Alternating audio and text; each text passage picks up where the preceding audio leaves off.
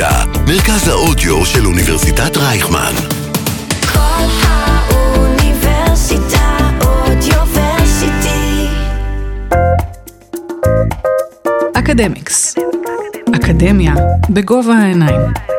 עם קרן אסף. שלום לכל המאזינים והמאזינות, אתם על כל האוניברסיטה, מרכז האודיו של אוניברסיטת רייכמן. אני קרן אסף, ואתם מאזינים לאקדמיקס, הפודקאסט האקדמי של אוניברסיטת רייכמן. מעל שבועיים עברו מאז תחילת הלחימה בין רוסיה לאוקראינה, המלחמה באירופה, כמו שצעקו כותרות כל המהדורות והעיתונים. באותם ערוצי התקשורת סיפרו לנו גם חלק מהיעדים הנדרשים ועל מה בין היתר נלחמים.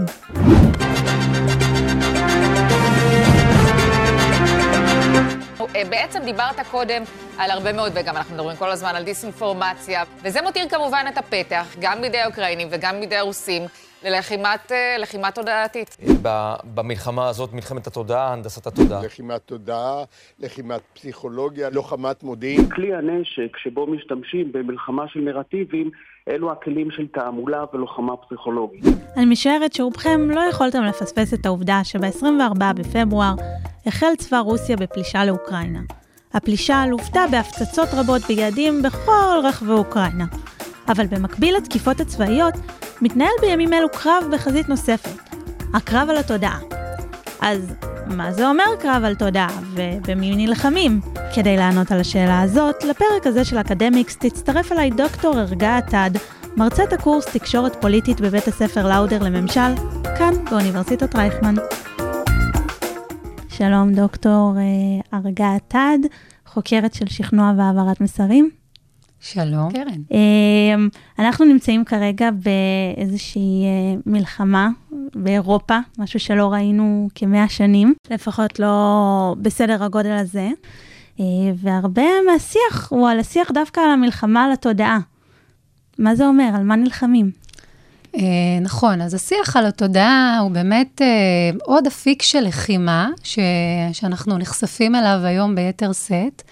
לצד הלחימה ברמה של התכנון האסטרטגי, המטרות האסטרטגיות והמטרות הצבאיות של הלחימה, יש לנו גם את אה, לחימת המידע או מלחמת הידע, שהיא בעצם משקפת את כל אה, מערך התודעה, היא לחימה או מלחמה שהיא לא פחות חשובה מהלחימה הצבאית והלחימה האסטרטגית, אולי אפילו תומכת בה וביעדים שלה. חשוב לזכור, ודאי, אה, אנחנו מדברים עכשיו על המקרה של המלחמה בין רוסיה לאוקראינה, אבל ודאי בקונפליקטים, עימותים אה, ממושכים, כמו למשל הסכסוך הישראלי-פלסטיני, כדאי לזכור שהלחימה הזו, כדאי לחלק אותה לשניים.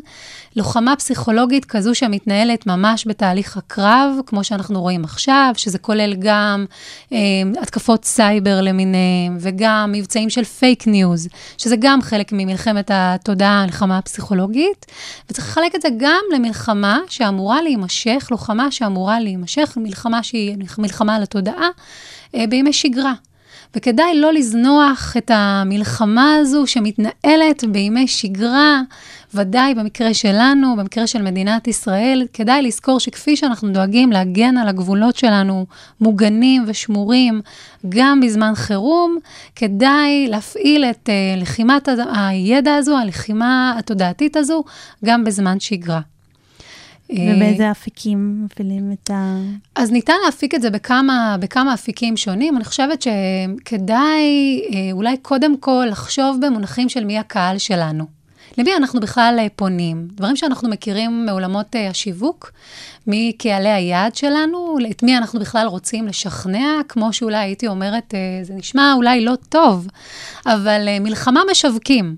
בסופו של דבר אנחנו משווקים מלחמה אולי באופן שבו אנחנו גם משווקים מוצרים, ואם אנחנו משווקים מלחמה, אנחנו צריכים לשכנע את הקהלים שלנו בצדקת הדרך, או כדי לרתום אותם להשגת המטרות שלנו. אה, אז הדבר הכי חשוב שאנחנו, איך אנחנו בעצם עושים את זה, אנחנו בתור התחלה מגדירים את קהלי היעד שלנו. מי קהלי היעד שלהם אנחנו בעצם רוצים להעביר את המסר שלנו, את ה storytelling שלנו, את הנרטיב שלנו, מי הם קהלי היעד? זאת השאלה הראשונה שאנחנו צריכים לשאול את עצמנו כשאנחנו יוצאים לדרך.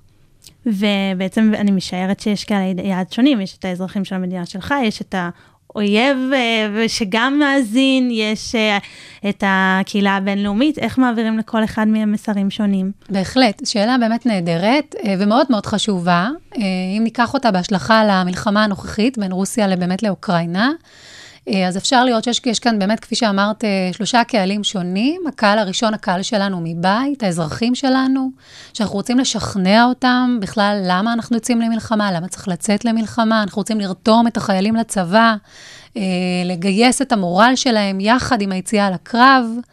אנחנו רוצים גם לגייס את דעת הקהל הבינלאומית, שתתמוך במהלכים שלנו, ואנחנו צריכים לפנות, זה גם, זה קהל שני שאנחנו רוצים לפנות אליו.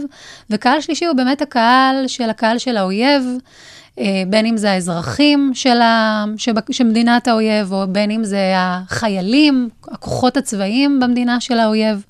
ואפשר באמת ככה להסתכל על זה במקרה של אוקראינה ורוסיה.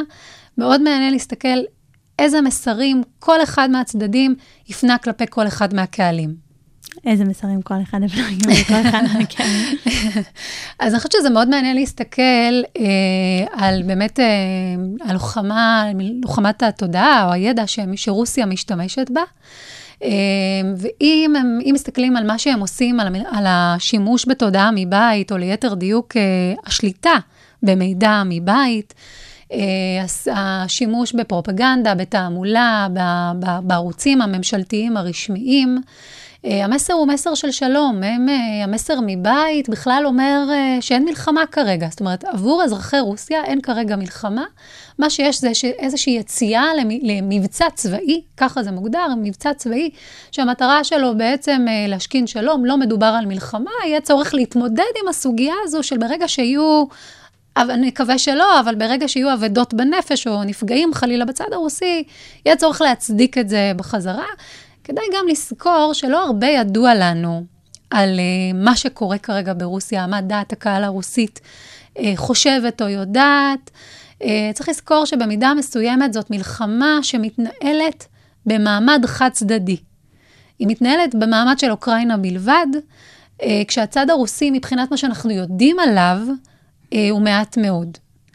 אה, ולכן גם היכולת, זאת אומרת, לדעת מה קורה שם... אומרים שגם הצד הרוסי לא יודע, זאת אומרת, יש סיפורים, אה, כמו שאמרתי, אי אפשר באמת לדעת מה נכון, אבל חיילים שנוסעים ב... רכבים לאוקראינה ולא יודעים שהם הולכים לשם. בדיוק, בדיוק, בדיוק ככה, ובאמת אה, מכיוון שגם אה, אה, רוסי סגרה את הרשתות החברתיות, וגם ראינו שה, שענקיות הטק, ואולי גם באמת נקדיש לזה קצת mm-hmm. בהמשך השיחה שלנו, גם הגבילו את הגישה של הפרופגנדה או של הערוצים הרשמיים אצלהן, גם אם זה פייסבוק ונטפליקס וגוגל, שחסמו את הגישה. אז קצת קשה לנו לדעת מה קורה בצד הרוסי, אבל מהבחינה של המסר מבית, המסר הוא מאוד uh, ככה uh, משכין שלום, ובאמת הקהל uh, הביתי, uh, המסרים שעוברים אליו הם מסרים אחרים, לפחות בערוצים הרשמיים. והתחלת להגיד את זה, אבל הערוצים הלא רשמיים נסגרו. אומרת, בדיוק, נכון. ואיך... איך עושים דבר כזה במאה ה-21, ב-2022? סוגרים את, ה, את, את הרשתות החברתיות. כנראה שכשזה משטר שה, שהמאפיינים שלו הם לא דמוקרטיים במיוחד, אז קל uh, לסגור את השלטר ולהגיד, אנחנו uh, חוסמים את המידע, או לפחות חוסמים את המידע. זאת שאלה באמת טובה, עד כמה באמת אפשר לסגור הרמטית את המידע, אולי זה גם תלוי גיל. יכול להיות שאוכלוסייה מבוגרת יותר, שנסמכת על uh, אמצעי התקשורת המסורתיים, אולי המסרים שעוברים אליהם מאוד מסוימים, אבל אנחנו מדברים על אוכלוסיות גיל אחרות, שיחות טלפון, וואטסאפ, אם יש לך חברים שהם מחוץ למדינה והם מקבלים מידע אחר, אז יכול להיות שהמידע זורם באמצעים אחרים, אולי בהיקפים אחרים, לא דרך הערוצים הרשמיים, אבל יש להניח, שוב, מהמעט והמידע המוגבל שעומד לרשותנו, שהמידע עובר רק אולי ב, ככה בטפטופים יותר, אה, בזרם יותר חלש ובהיקפים אה, שונים מכפי שאולי אנחנו רגילים במדינות אה, אחרות. ואם רוסיה נקטה בעמדה של לסגור, אז דווקא הצד השני, אוקראינה, פתחה לחלוטין, כולל משרד uh, הפנים שמלמד uh, ברשת איך uh, מייצרים בקבוקי תבערה. לגמרי. איך, קודם כל זה פער עצום בין התפיסות של הצדדים, אבל איך הנתיב תקשורת הזה עובד? זה מלחמה מודרנית, עם אמצעים מודרניים בכזה היקף לא... עוד לא חווינו. לגמרי, לחלוטין. אז אני חושבת שזה באמת, אם אה, אנחנו ככה ממשיכות את הקו של ה storytelling ואת הנרטיב שכל אחד מהצדדים מנסה לקדם, ללוחמת המידע, וגם, אולי גם אה, ניגע טיפה במה שאת מציינת בפרדוקס המידע, שאומר בעצם, אה, פרדוקס המידע, שאומר שאנחנו בעצם יודעים הכל, אבל לא יודעים כלום.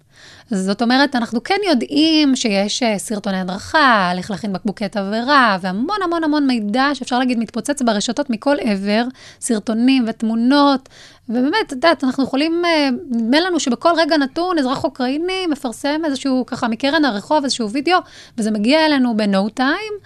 אבל יחד עם זאת, אנחנו לא באמת יודעים כלום. אנחנו לא ממש יודעים, זאת אומרת, התמונה הרחבה חסרה לנו. תמונה רחבה היא מקוטעת, היא מאוד אמוציונלית, מאוד רגשית, אבל אנחנו יודעים הרבה ולא באמת יודעים יותר מדי.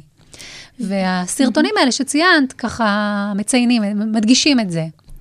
כמה מהסרטונים האלה נועדו אה, בגלל שהעם האוקראיני רוצה ללמד את אזרחיו להילחם על הבית, וכמה באמת נועדו כדי שהמערב יראה איך הם נלחמים על הבית? שאלה מצוינת, אני חושבת שזה גם וגם, זה מתקשר אולי אה, לנרטיב שאוקראינה מנסה לקדם מצד אחד, או הנשיא זלנקו מנסה לקדם מצד אחד הנרטיב שלו, המסרים, אמרנו יש לנו קהלים שונים ומסרים שונים, והמסר באמת מבית, וזה משקף את זה בדיוק בסרטונים האלה, המסר מבית הוא מצד אחד מסר מאוד רגשי של אה, טוב למות בעד ארצנו, אה, הומניות מאוד גדולה, גאווה מאוד גדולה, מלחמה על הבית, אנחנו כאן כדי להילחם, אנחנו כאן כדי להישאר, ובאמת הסרטונים האלה, שמקדמים אה, הדרכה, אם ב, בימי שגרה יש לנו סרטוני הדרכה של איך, תוכנית בישול של איך להכין ספגטי, אז אה, יש אה, How to, אה, בימים של מלחמה, How to, אה, איך, איך לעשות בעצם בקבוקי תבערה. אה, וזה חלק מזה, חלק מזה שהנשיא מצטלם בכל קרן רחוב בתוך העיר, אני כאן כדי להישאר, וגם אני מלמד אתכם מה אני עושה עם אותם בקבוקי תבערה. זה חלק מהנרטיב של לעודד את המורל של האזרחים שהמלחמה היא מוצדקת, וגם לעודד את החיילים, וגם במידה מסוימת, נרטיב שככה מקרין החוצה כלפי הקהל החיצוני במערב ובמדינות אה, של העולם.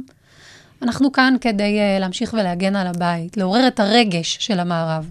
זה גם uh, מתבטא אפילו בבגדים שהם לובשים, עם uh, פוטין עם מעונב וזלנקו תמיד עם חולצת ירוק זית, uh, כי, כמו חייל על חצי בית. לגמרי, ממש, זה ממש משקף באמת המסרים הללו, באמת ה, ה, של, של, של שפת הגוף, שבאים גם באופן שבו הם לבושים, גם הם חלק מהמסר, גם הם מעבירים אולי מסר של אולי קצת ריחוק וניתוק מהם, המסר שהוא יותר מרוחק, של הדמות שאולי משקפת. משקפת גם את דמות שה... שמנסה להימנע משימוש בפלטפורמות uh, עכשוויות נוכחיות ולסגור אותן, לעומת דמות שמאוד uh, מצטיירת כמעין רובין הוד, המושיע, אני גם לבוש בלבוש מתאים שמחבר אותי לעם ולשטח, וזה מתבטא גם, בוא צריך לזכור שבסופו של יום מדובר באיש תקשורת.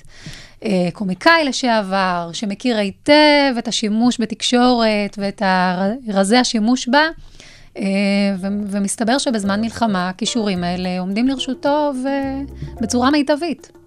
טוב, התחלת uh, לדבר על רזי התקשורת, שימוש בתקשורת, uh, איש תקשורת אחד ספציפי, אז אני חושבת שזה זמן טוב לסיים את החלק הזה של השיחה שלנו. אבל אם אתם, מאזינים ומאזינות, מעוניינים לשמוע על איך מעבירים מסרים במלחמה, איזה מסרים, באיזה פלטפורמות, התפקיד של... אנשי התקשורת בעולם uh, שבו מסרים עוברים גם uh, ללא מתווכים. אני מאוד ממליצה לכם להאזין לחלק השני של השיחה של דוקטור ארגת עד ושלי בדיוק על הנושאים האלה. המשך האזנה נעימה.